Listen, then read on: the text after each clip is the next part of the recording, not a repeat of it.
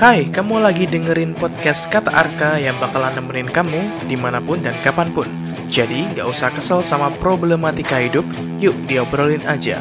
Karena selama beberapa menit ke depan, podcast ini bakalan nemenin kamu yang sedang beraktivitas maupun males-malesan, atau lagi rebahan sambil stalking sosial media mantan. Dan ini dia, selamat mendengarkan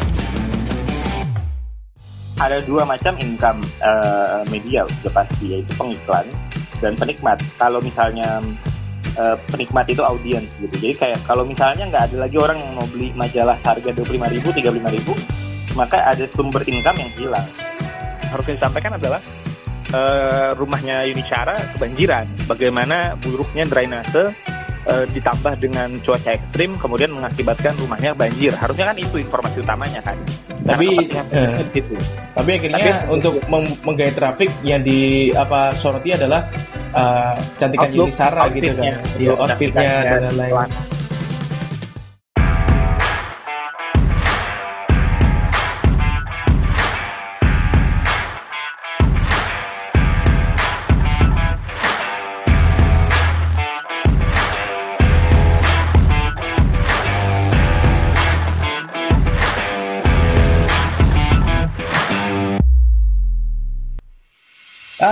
Kembali lagi di podcast Kata Arka dan dalam sesi GB Zona Bebas. Kali ini gue ngundang seseorang, kenalnya bisa dibilang lebih dari setahun yang lalu gitu. Uh, dan orangnya sekarang domisilinya ada di Jakarta nih.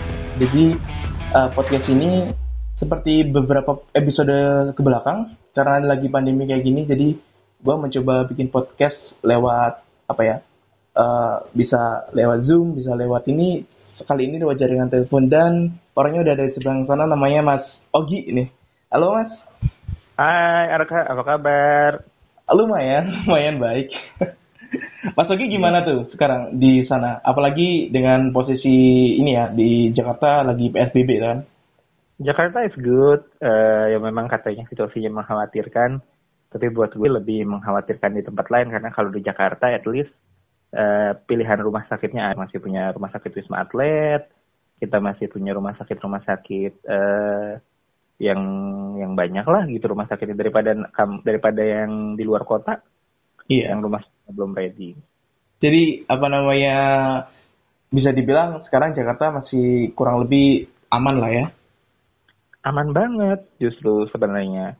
Uh, tapi tergantung kalau kamu ada di mana, Jakarta bagian mana. Ada kalau oh. di tempat aku kebetulan uh, areanya itu nggak terlalu padat, jadi kemungkinan uh, penyebarannya itu jauh lebih stabil. Tapi buat daerah-daerah zona merah yang Jakarta itu kan beda-beda ya, ada daerah-daerah yang kebetulan mohon maaf misalnya zona-zona padat penduduk, yang rumah-rumah bedeng gitu. Kalau aku kebetulan puji Tuhan tinggalnya di rumah yang memang nggak komplek, tapi komplek rakyat gitu. Cuma memang ada jeda antar rumah. Nah itu kan membantu eh, transmisinya menurun karena kalau misalnya ada misalnya eh, kepadatan penduduknya tinggi sekali satu rumah misalnya rumah 60 meter tinggal 8 orang misalnya itu kan pasti tingkat penyebarannya lebih tinggi sementara daerah aku tuh lebih bagus lah ininya eh, potensi penyebarannya lebih rendah. Iya iya iya. Jadi uh, mengingat apa ya tentang pandemi virus ini tuh uh, di kali ini tuh aku mau ngomongin tentang media gitu, media online dan cetak gitu. Apalagi di apa ya?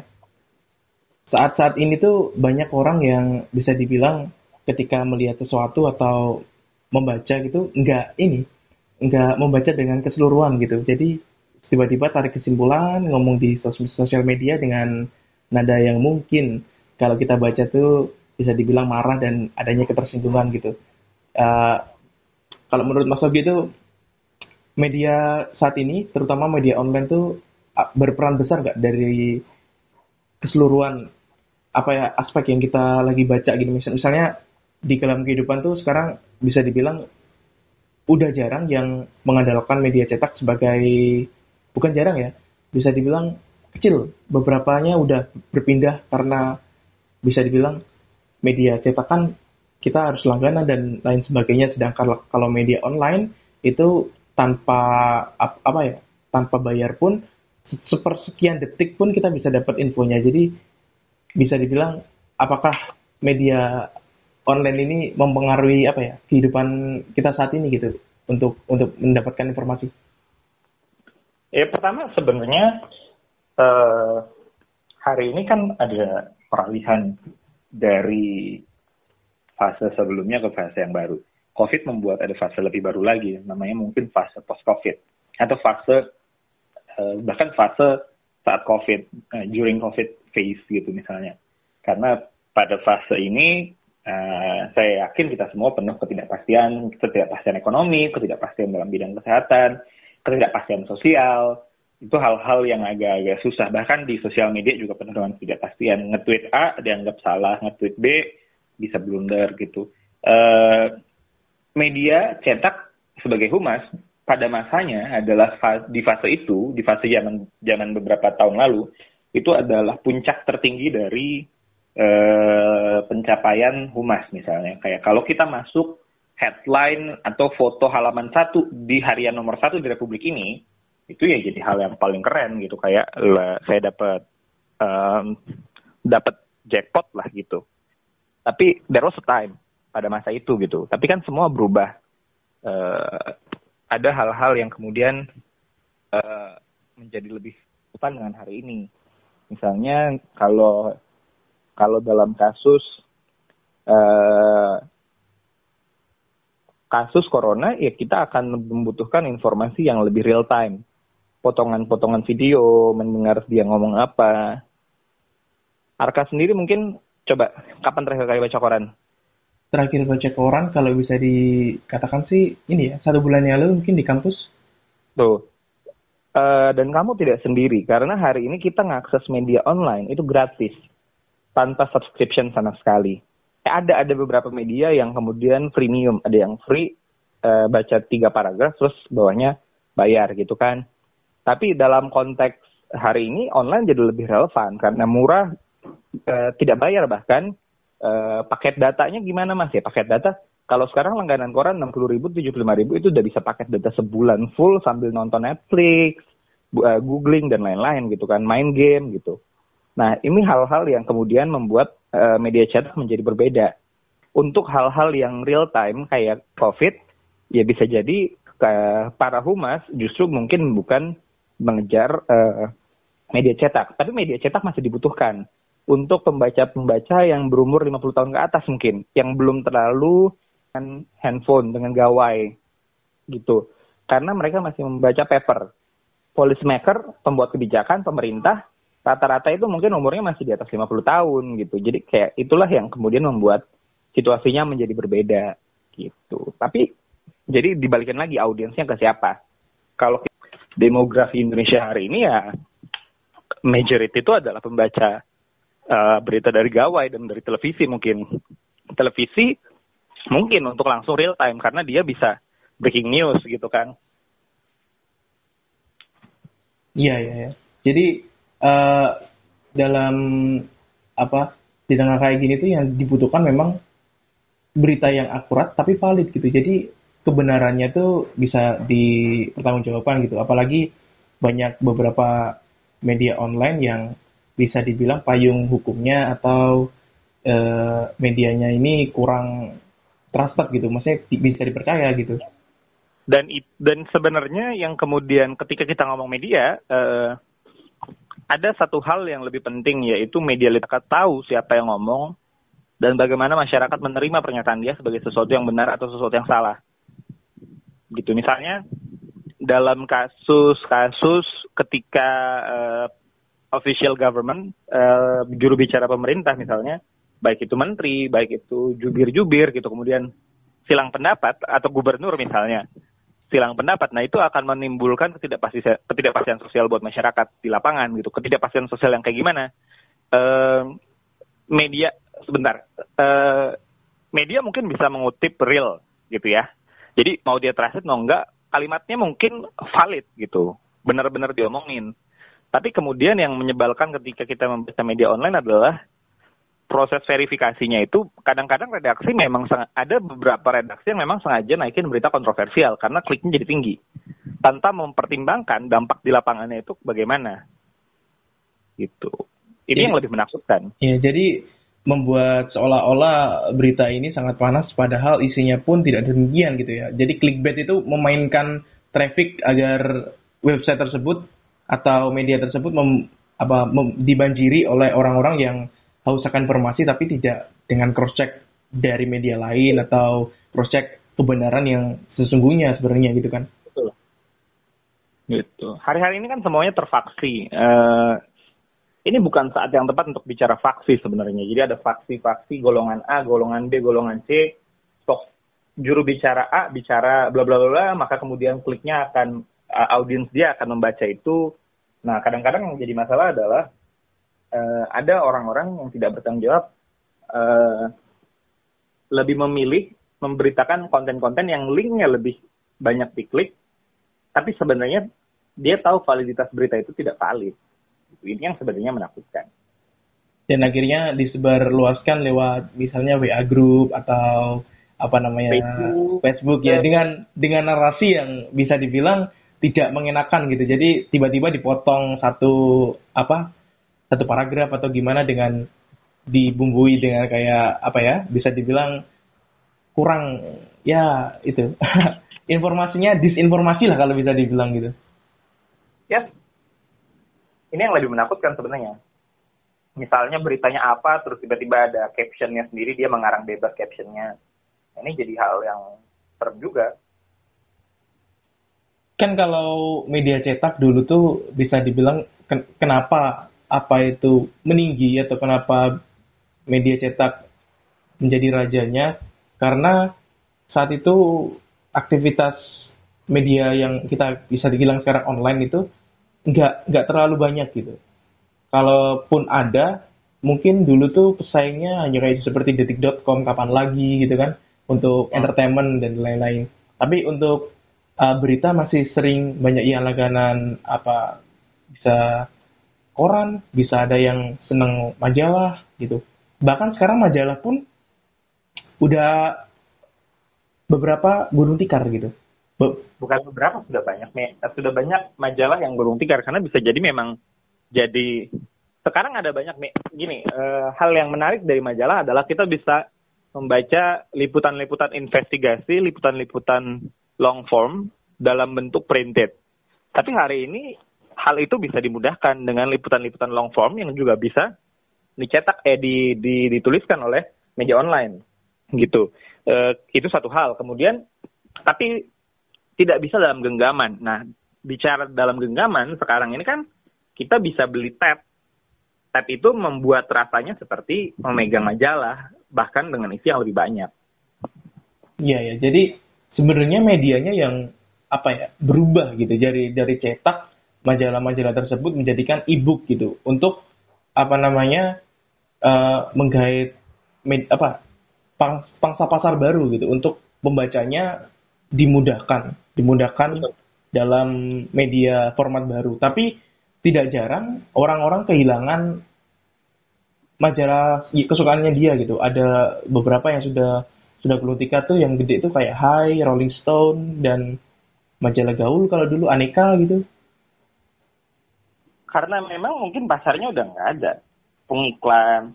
Ada hal yang mungkin perlu diketahui bersama bahwa bisa jadi eh, ketika kita bicara pangsa pasar, ada dua macam income eh, media sudah pasti, yaitu pengiklan dan penikmat. Kalau misalnya eh, penikmat itu audiens gitu. Jadi kayak kalau misalnya nggak ada lagi orang yang mau beli majalah seharga 25.000, 35.000, maka ada sumber income yang hilang. Kalau misalnya kemudian dia beli eh, majalah 35.000, omplahnya misalnya 100.000 eksemplar. Ya kan berasa 35 juta itu tiga setengah M sendiri loh. Misalnya kalau 35.000 kali 100.000. Tiga setengah M itu mungkin bisa melepas ongkos cetaknya. Tapi ya berarti sisanya datang dari iklan. jadi karena oplahnya pun tidak menutupi biaya produksi akhirnya terpaksa beberapa gulung tikar ya Oplah satu, eh, pengiklan dua. mengingat sekarang pengiklan bisa dikatakan pindah semua ke media online dan jor-joran gitu. Iya, jor-joran gitu. Apalagi kalau kita sempat di beberapa media online yang ini ketika ngeklik gitu masih ada satu dua tiga empat jadi ada empat halaman untuk hanya satu berita gitu dan itu Betul. iklannya di mana-mana gitu dan eh, kerap kali mereka ini yang disayangkan oleh beberapa jurnalis media cetak kadang menyoroti media-media online yang hanya mengutip atau tiba-tiba membuat konklusi dari sosial media misalnya. Jadi uh, ini aktivitas seorang artis A atau artis B atau misal public figure A, public figure B ngomongin di sosial media tiba-tiba jadi berita gitu. Tanpa Nah, adanya kemudian- iya, tanpa adanya verifikasi ke orangnya gitu. Ini yang kemudian perlu di, di- dipahami bersama bahwa apa yang kita sampaikan eh, dalam proses komunikasi, kalau Arka belajar, Arka belajar komunikasi kan ya? Iya. Dalam proses komunikasi kita percaya eh, pada banyak hal. Ada yang namanya spin doctor, ada ya ya pengalihan, ada issue divergent gitu kan. Eh, ada, ada ada ada banyak hal yang eh, bisa dilakukan. Ada juga momen-momen di mana apa yang disampaikan bukanlah apa yang sebenarnya, tapi apa yang ingin diperdengarkan kepada publik. Nah, ini yang kemudian sering dilakukan di media sosial. Jadi ya sebenarnya hanya sekedar relaksasi dari situasi yang mungkin sedang tegang, kemudian eh, itulah fungsi influencer-influencer dan buzzer-buzzer untuk membuat isunya beralih gitu kan. Eh, mengutip tanpa mengetahui secara jelas makna, maksud dan tujuan dan bahkan mendapati konteks bahwa mungkin postingan itu adalah postingan-postingan berbayar, itu adalah hal yang paling sulit dilakukan hari ini. Karena saya nggak tahu gimana caranya bahkan sebenarnya. Tapi kita harus tahu bahwa nggak semua hal yang ada di media sosial itu real. Jadi nggak semuanya sebenarnya 100% mempresentasi- mempresentasikan seseorang kan ya di sosial media itu. Iya, ada ada ada konten-konten settingan yang memang disengaja. Ya, sebenarnya sama seperti eh, di televisi misalnya ada settingan-settingan siapa nikah sama siapa tapi settingan. Ya, ada informasi yang sangat disebarkan untuk mengaburkan eh, realita yang sebenarnya. Itu kan fungsi spin doctor sebenarnya. Cara tentang praktis prak- praktek-praktek yang sering terjadi. Misalnya influencer-influencer yang menyampaikan bahwa produk ini bagus, eh, aku pikir memberikan sampel tentang isu sosial politik menjadi lebih complicated karena eh, framingnya jauh lebih rumit. Tapi mungkin sampel yang paling bisa digunakan misalnya ketika influencer atau endorser A menyampaikan bahwa produk A, B, C itu keren, maka kemudian dikutip oleh eh, audiens gitu. Atau misalnya yang sering terjadi eh, yang sering misalnya yang pernah terjadi adalah ketika Yunisyara dulu kebanjiran. Dia posting di media sosial. Yang membuat media berbicara banyak adalah lebih tentang looknya hmm, Yunisyara padahal itu kan sebenarnya Hmm. bagaimana bentuk pengaburan informasi. Karena informasi yang harus disampaikan adalah eh, rumahnya Yunisyara kebanjiran. Bagaimana buruknya drainase eh, ditambah dengan cuaca ekstrim kemudian mengakibatkan rumahnya banjir harusnya kan itu informasi utamanya kan Tapi, eh, di situ Tapi akhirnya Tapi- untuk menggait traffic yang di apa soroti adalah uh, kecantikan Outlook, Yuni Sara gitu kan outfitnya, ya. Iya, outfitnya dan lain-lain. kemudian bootsnya, eh, t-shirtnya gitu. Jadi outfit yang dibahas gitu. Itu yang kemudian tidak relevan. Publik suka itu satu hal, tapi membuat framing ya itu hal yang lain. Membuat pilihannya itu hal yang lain. Tapi balik lagi, eh, mungkin ada jurnalis-jurnalis yang memang hidup dari traffic karena ada beberapa jurnalis yang memang di media-media tertentu yang terjadi kompetisi ar- antar jurnalis ketika mereka punya ranking-ranking traffic. Bagaimana antar jurnalis itu diperadukan untuk kemudian yang misalnya mungkin saya nggak tahu, saya nggak pernah nanya yang sampai ke dalam. Mungkin yang ranking satu akan dapat insentif tambahan. Untuk ini ya biasanya uh, kerap ada cerita bahwa sekarang dalam suatu media itu satu orang diwajibkan misalnya dalam satu hari menulis 20 berita, 20 artikel untuk dipost ke apa namanya laman media online-nya gitu. Angka spesifiknya aku nggak bisa state, eh, tidak memiliki kewenangan untuk state juga. Iya. Tapi angka-angka tertentu yang harus dicapai KPI oleh jurnalis itu lazim di beberapa media memang. Jadi media online sebenarnya bagus, tapi ketika apa disalah beberapa disalahgunakan untuk itu tadi mengaburkan informasi untuk untuk apa namanya framing. Sebenarnya framing itu kan nggak nggak selamanya jahat kan ya. Framing kan dibentuk untuk membuat apa pemikiran publik bahwa seperti ini sebenarnya dan hal lain sebagainya. Sebagaimana framing biasanya digunakan untuk misalnya uh, framing seseorang dikatakan seperti ini padahal sebenarnya orang tersebut tidak seperti apa yang dikatakan media. Biasanya kan ada seperti itu. Iya, iya. Uh, saya sepakat. Memang mungkin kadang-kadang situasinya kayak gitu.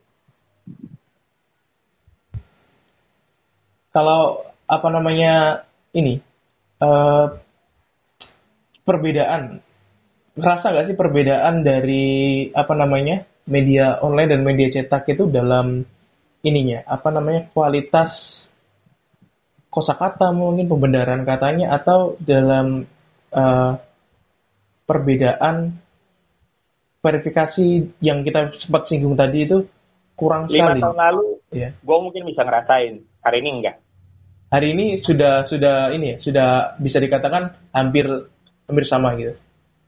hari uh, bukan media online yang naik tapi mungkin justru media cetaknya yang turun karena Hmm. lima tahun yang lalu uh, gue tahu jurnalis-jurnalis senior yang idealis masih di dalam misalnya Eh, tapi ya there was a time kemudian kan tadi kamu sempat bilang bahwa banyak media-media cetak yang kemudian akhirnya gugur Iya ya. mereka yang berguguran inilah yang kemudian mengakibatkan eh, ya sulit juga berarti untuk eh, bertahan kan. Jadi eh, jurnalis-jurnalis senior ini yang mungkin tadi kamu bicara soal kosakata itu ya akhirnya mereka kan sudah nggak ada. Sudah udah bukan eranya mereka lagi ya. Mungkin sudah pensiun maksud saya Pen- pensiun dini kah atau pensiun sebagaimana mestinya atau mungkin beralih profesi karena sekali lagi eh, jurnalis itu profesi. Tidak sedikit jurnalis yang beralih menjadi misalnya juru bicara. Tidak sedikit jurnalis yang beralih menjadi humas menjadi seorang komunikator. Tidak sedikit juga yang beralih menjadi penulis buku. Sujiwo Tejo itu dulu jurnalis Kompas. Tiba-tiba kemudian beralih menjadi dayang eh dayang. Eh, Buda- apa? budayawan. budayawan dan dalang. Bukan dayang Dalang. dalang dayang tuh beda. Beda beda konteks. dalang gitu kan. Jadi eh, itu Sujiwo Tejo kemudian ada teman jurnalis yang beralih menjadi PR itu banyak banget gitu. Jadi bisa jadi eh, memang eh, jurnalis-jurnalis top notch-nya yang sudah beralih. Kemudian eh, ini kita bicara konteks media cetak ya kemudian membuat media online. Atau Ya. misalnya pindah pindahin Kan sekarang media online bisa dikatakan merajai seluruh informasi yang ada di dunia maya gitu, dunia sosial media kita gitu. betul bahkan hampir tiap kita lihat sosial media baik itu Twitter, Facebook ataupun Instagram ada saja akun-akun yang merepost beberapa artikel atau postingan dari media sosial gitu untuk disebarluaskan kembali tapi tidak disertai oleh eh, biasanya tidak disertai oleh kelengkapan dari dari isi dari apa artikel atau postingan tersebut gitu. Heeh. Ya, dan itu yang kemudian jadi masalah kan karena akhirnya eh, reference-nya tidak disertakan. nih apa namanya wawancara gitu beberapa kita media kita nggak tahu itu TV pun melakukan jurnalis jurnalis apa ya televisi melakukan dan jurnalis media online apalagi gitu. Untuk menghubungi seseorang misalnya. Kemarin sempat kita tahu uh, ada beberapa artis atau apa ya public figure yang meninggal dunia gitu. Apa wafat tiba-tiba mungkin belum belum cukup waktunya ya untuk untuk berduka atau bagaimanapun. Pertanyaan-pertanyaan dari mereka itu kadang tidak bis- bisa dibilang kurang ya apa ya kurang mengerti keadaan gitu. Atau dalam menghubungi hanya lewat WhatsApp kadang beberapa ada orang yang kan mau untuk diwawancara ada orang juga nggak mau untuk diwawancara gitu. Dengan perlakuan-perlakuan dari teman-teman yang mengejar berita secara cepat itu apakah berdampak buruk nggak sih dari citra apa ya cerita teman-teman teman-teman di media gitu bahwa media itu sekarang kok seperti ini? Ada kan beberapa yang merasa bahwa sekarang uh, hanya mengandalkan cepat tanpa adanya akurat ataupun validasi terlebih dahulu ke narasumber yang ingin diwawancara misalnya uh, pertama ini konteks yang sebenarnya sulit. Uh, ada banyak wawancara yang memang kadang-kadang lebih sering akhirnya dipakai format teks. Jadi uh, diajukan pertanyaan baik lewat WhatsApp, email.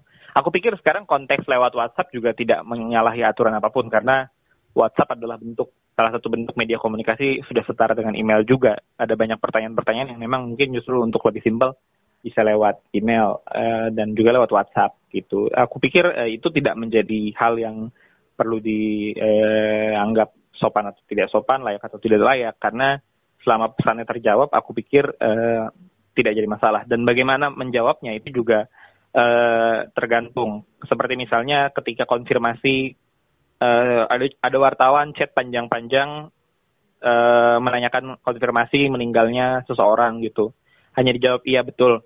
Kemudian pertanyaan-pertanyaan lain tidak mau jawab ya sekali lagi itu tidak ada konteks sopan tidak sopan dalam konteks uh, sedang bersedih ya memang uh, cara terbaik adalah untuk uh, ya diam saja gitu. Uh, wartawan uh, punya pertanyaan itu satu hal, tapi bagaimana kita dewasa dalam menjawab dan membuat pilihan untuk uh, ya sudah diabaikan aja HP-nya ditaruh, uh, tidak perlu dicek, dibalas chat-chat yang priority.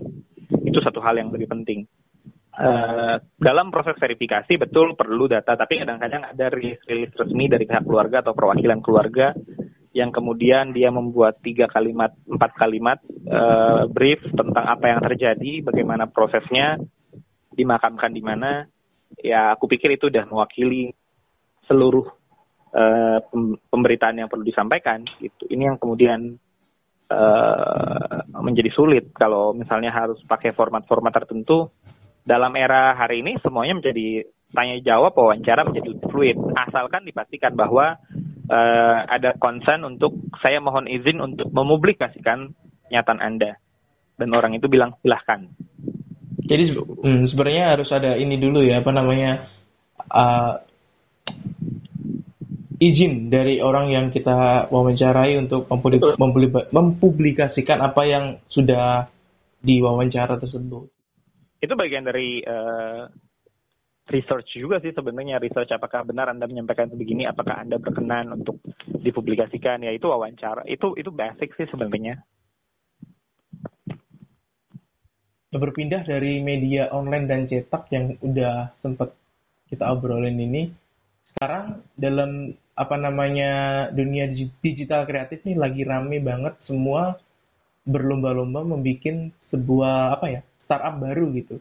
Termasuk mencoba untuk membuat media tapi medianya kekinian gitu, tidak hanya apa ya, nggak hanya menyoroti tentang artik, maksudnya mempublikasikan artikel saja, tapi mem mem mempunyai kanal YouTube, mempunyai apa namanya website yang bisa dibilang uh, mempunyai apa ya ulasan-ulasan mendalam tapi dalam bentuk video gitu dan bisa di apa tonton dan publikasikan ke banyak orang. Atau beberapa media pun akhirnya merambah dunia film gitu. Ada ada beberapa yang merambah dunia film. Kemarin tuh kalau nggak tidak salah Indonesian Times itu mengakuisisi adalah apa PH film gitu dari apa namanya seorang sutradara dan produser itu apakah sekarang memang dunia digital kreatif itu udah nggak ada sekat nggak ada batas apa pun yang ada di dalam dunia digital kreatif itu bisa di, bisa dikatakan news, bisa dikatakan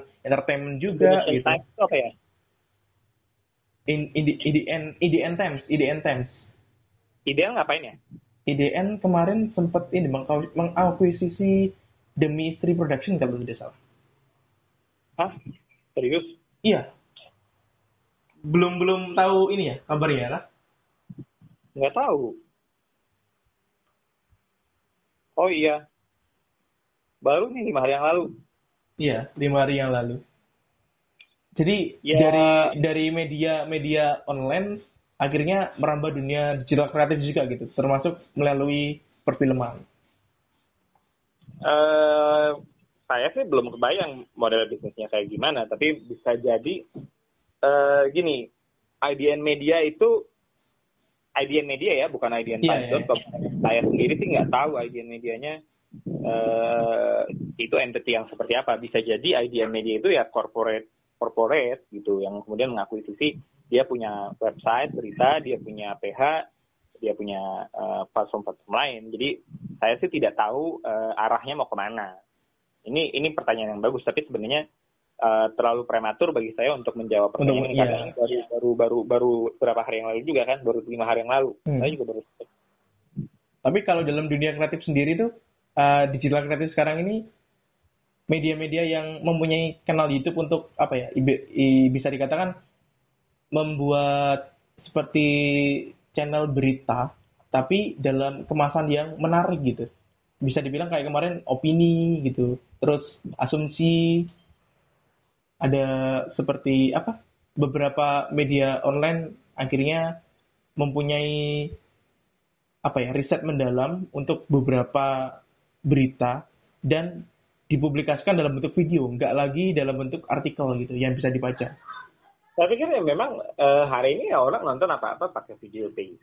Jadi ya, ini ini jadi hal yang seru karena eh, secara audio visual tuh lebih lebih lebih menyenangkan dan sekarang paket data lebih murah di setiap eh, di sudut-sudut eh, kampus juga ada wifi online gratis. Eh, jadi ya memang nonton tuh jadi konten-konten yang seru gitu kayak eh, kenapa kemudian Instagram Story itu engagementnya tinggi misalnya bisa jadi karena memang orang mulai mulai beralih ke ke ke ke, ke, ke konten video IGTV juga makin rame kan Iya ya, jadi lebih banyak orang sebenarnya suka konten yang bervisualis apa ya? Ada visualnya tapi juga memberikan informatif gitu, ada informasinya gitu. siap Jadi akhirnya sekarang beberapa artikel juga berpindah gitu. Apa namanya? Media-media online ini berpindah untuk menyelami dunia digital kreatif juga. Jadi nggak hanya berposisi sebagai media online gitu. betul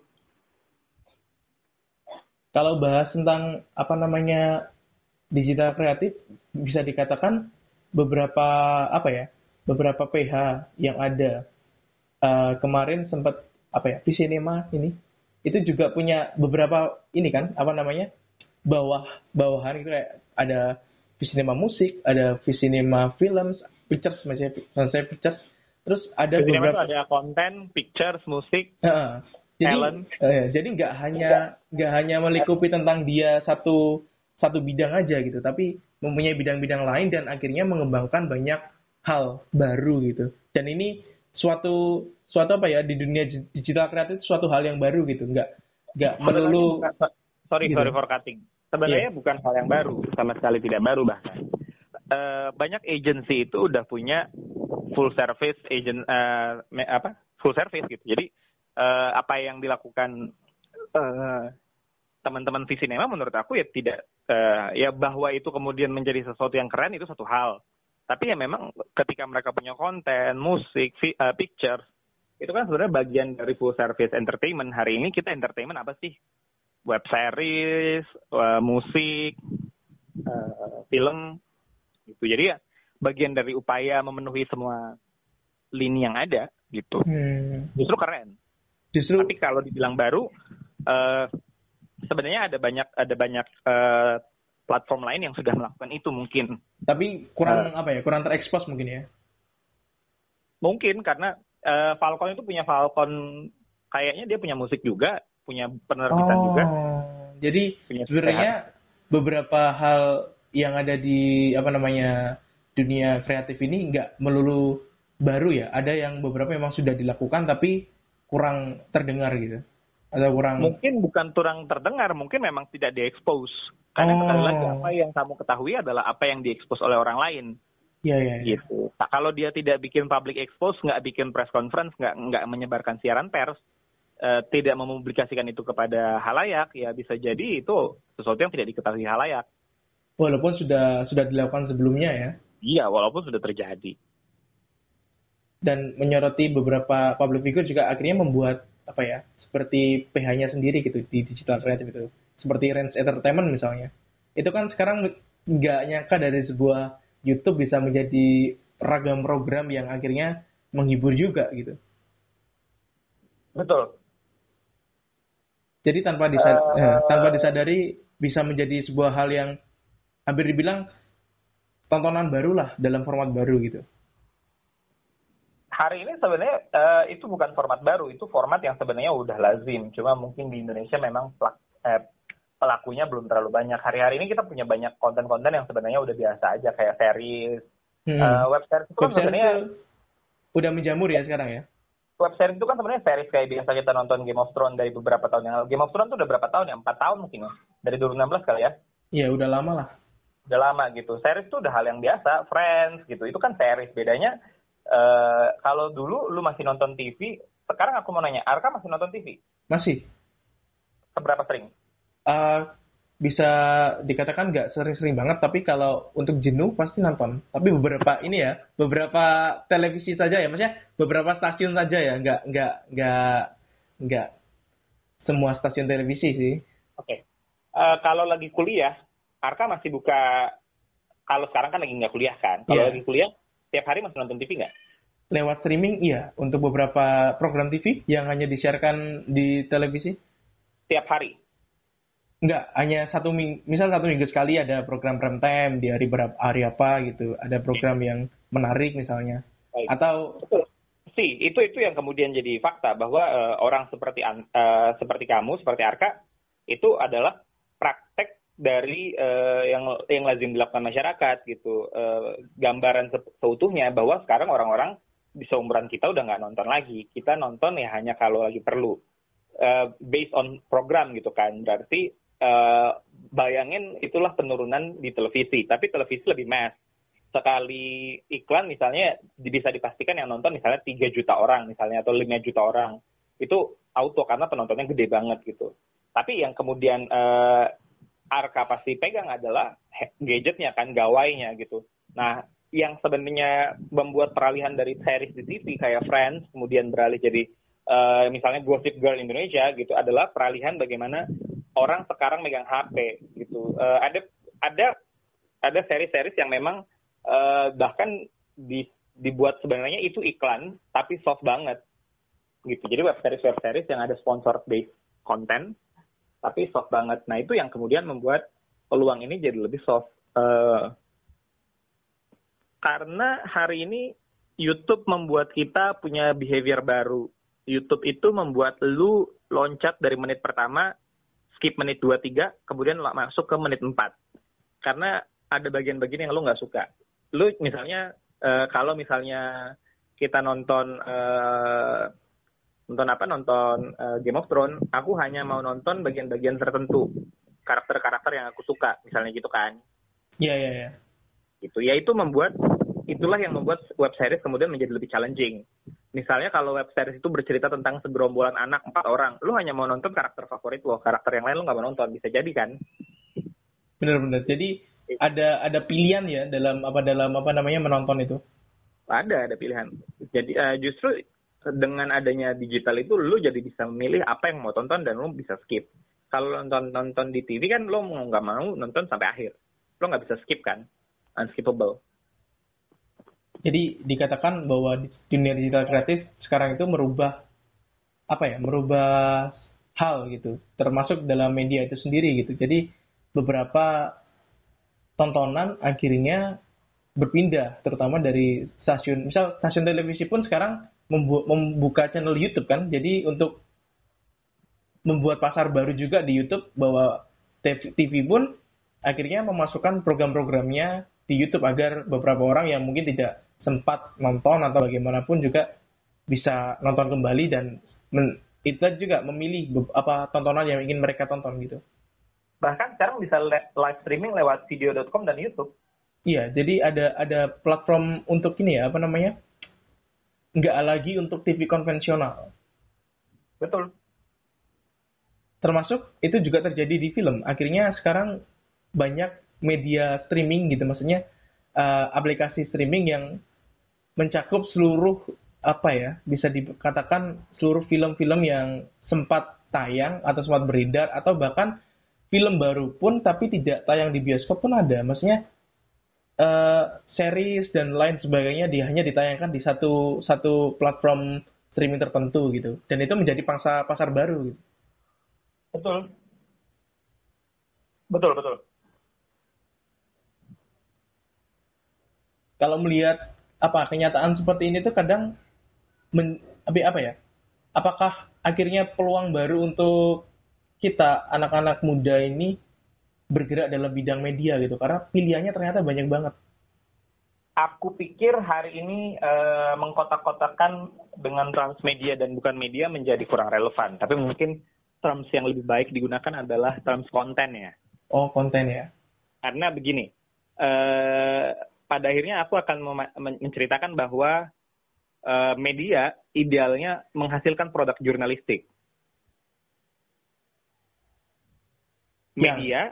udah pasti bikin konten. Tapi pembuat konten belum tentu media. Oh ya benar-benar. Jadi jadi misalnya misalnya kamu bikin video liputan jalan-jalan. Apakah itu konten? Iya. Tapi apakah itu produk jurnalistik? Belum tentu.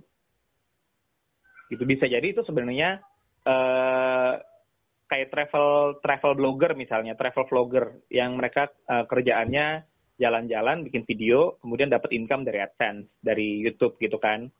Apakah itu produk konten? Iya. Apakah itu informatif? Iya. Apakah ada kepentingan publik di sana? Belum tentu. Kalau misalnya hari ini kita jadi pembuat konten, itu peluangnya lebih besar. Karena ya proses pembuatannya lebih mudah, nggak perlu izin ini izin itu. Tapi kalau mau bikin media pasti harus ada banyak yang harus siapin. Capitalnya kemudian perusahaan PT media kan harus berbadan PT gitu kan berbadan hukum. Nah itu bikin PT-nya aja ada cost yang keluar gitu. Jadi peluangnya justru bukan di medianya tapi di content creatornya.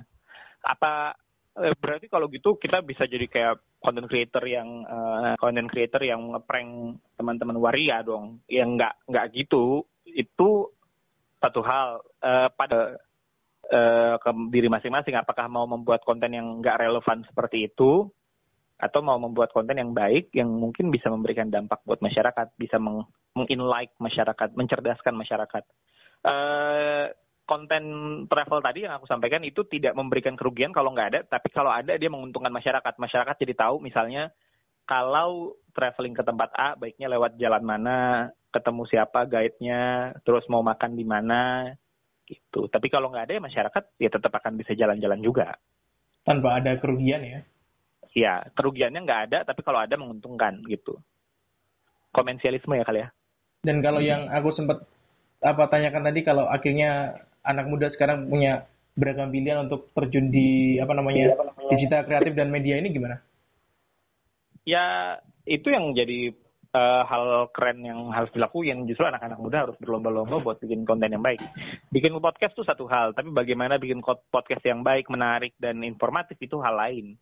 Semua orang bisa bikin podcast, tapi apakah semua orang bisa bikin podcast yang dinikmati banyak orang itu cerita yang berbeda. Nggak semua orang bisa kayak Gofar soalnya.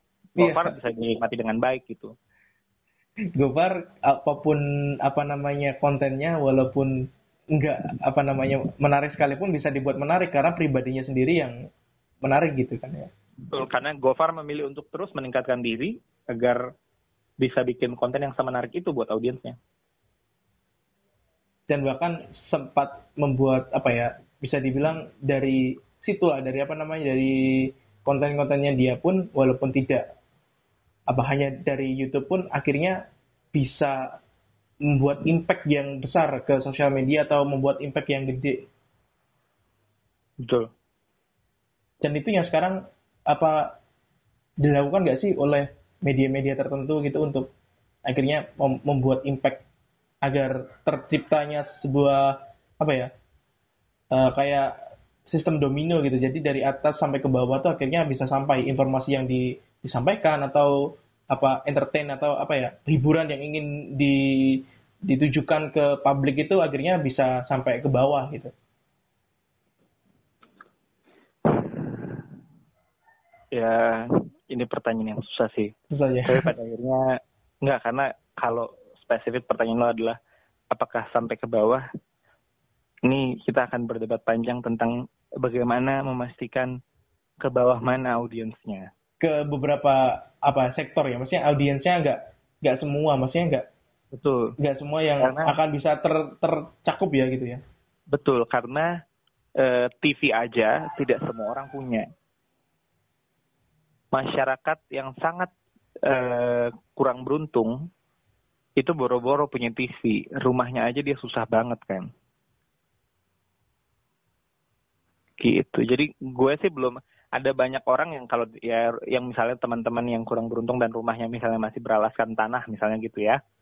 eh ya itu boro-boro beli TV buat makan aja pontang-panting. Jadi memastikan informasi sampai ke bawah melalui platform-platform yang mungkin kamu sebutkan tadi ya itu pertanyaan yang sulit. Belum bisa ini ya, belum bisa dipastikan bahwa akhirnya platform tersebut bisa sampai ke semua orang gitu. Apa namanya? karena, karena definisi semua orang ini juga definisi yang terlalu sangat sulit sekali. terlalu sangat apa ya univers, universal ya nggak nggak nggak bisa Utopis banget ya, sebenarnya. tidak tidak segmentif Iya, iya, ya betul.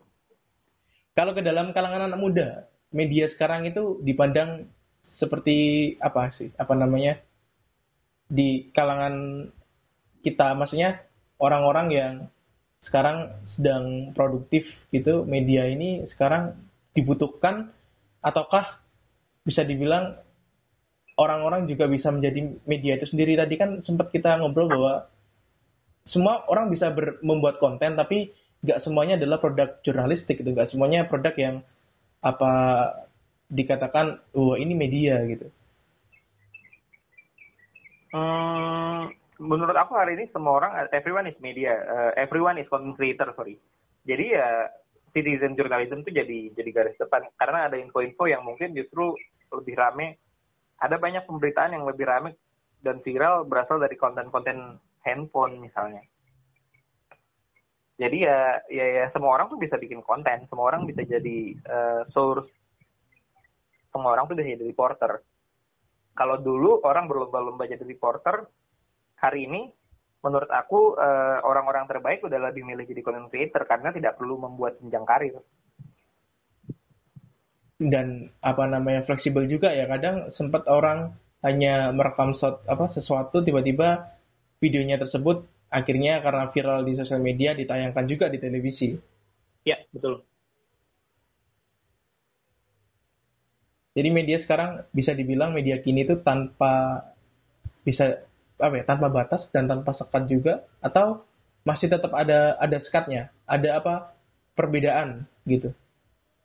Sekat ya pasti ada, perbedaan pasti ada antar media, antar audiens gitu. Karena misalnya eh, media-media tidak jelas, ya pasti ada ada sekat gitu antara obor rakyat dengan media lain. Misalnya eh, sekatnya itu ya dibalikin ke jurnalisnya lagi. Eh, seberapa jauh intelektualitas jurnalis, integritas, eh, keberpihakan, fra- kemampuan framing, pilihan-pilihan politik gitu. sebenarnya kalau ngomongin sosial apa sosial media? Ngomongin media ini sebenarnya banyak sekali pertanyaannya. Tapi eh, nggak semuanya bisa ditanyakan juga kan apa namanya dalam hal hal apa ya hal-hal yang lebih luas untuk di dipublikasikan gitu. Dalam dalam dapur media misalnya apa nggak nggak semua orang bisa tahu apa yang apa ya, polanya pola pola sebelum akhirnya informasi itu keluar pun nggak semua orang tahu bahwa ada ada proses yang dilalui gitu Eh, ya mungkin memang itu yang harus di ya gimana ya? Ya, itu yang ha- ha- sebenarnya sih itu Google label tapi ha, itu yang harus dicari tahu. Karena sekarang proses-proses kayak gini tuh semuanya bisa di Google sebenarnya. Tapi pilihan untuk nge-Google apa enggak itu pilihan yang berbeda. Kalau Mas Ogi sendiri gimana sekarang?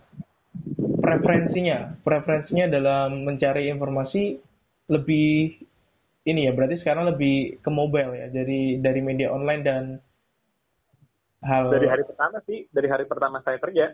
Hmm, dari 2013 karena 2013 itu seingat saya udah udah udah eranya HP Android deh. Atau BlackBerry ya? BlackBerry mungkin masih.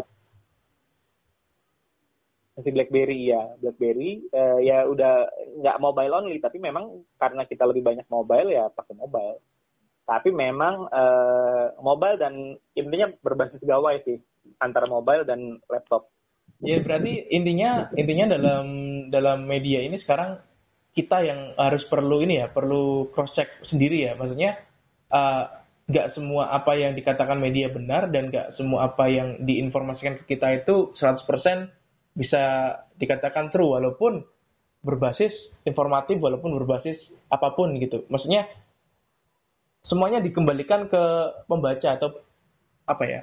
Orang yang ditargetkan itu harus bisa memilah-milah media yang Betul. mereka baca gitu kan.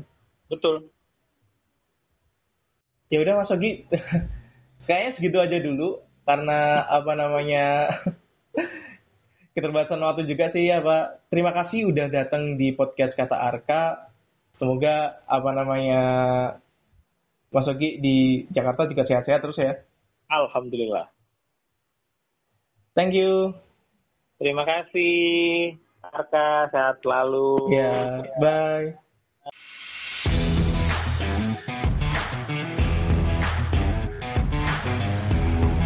Hai, kamu sudah selesai mendengarkan podcast Kata Arka dalam episode kali ini. Jangan lupa subscribe podcast ini kalau kamu suka dan kasih tahu teman-teman kamu yang lain dengan share podcast ini di sosial media kamu. Dan beri rating apabila kamu lagi dengerin di Apple Podcast atau iTunes. Terima kasih dan sampai jumpa di episode Kata Arka lainnya.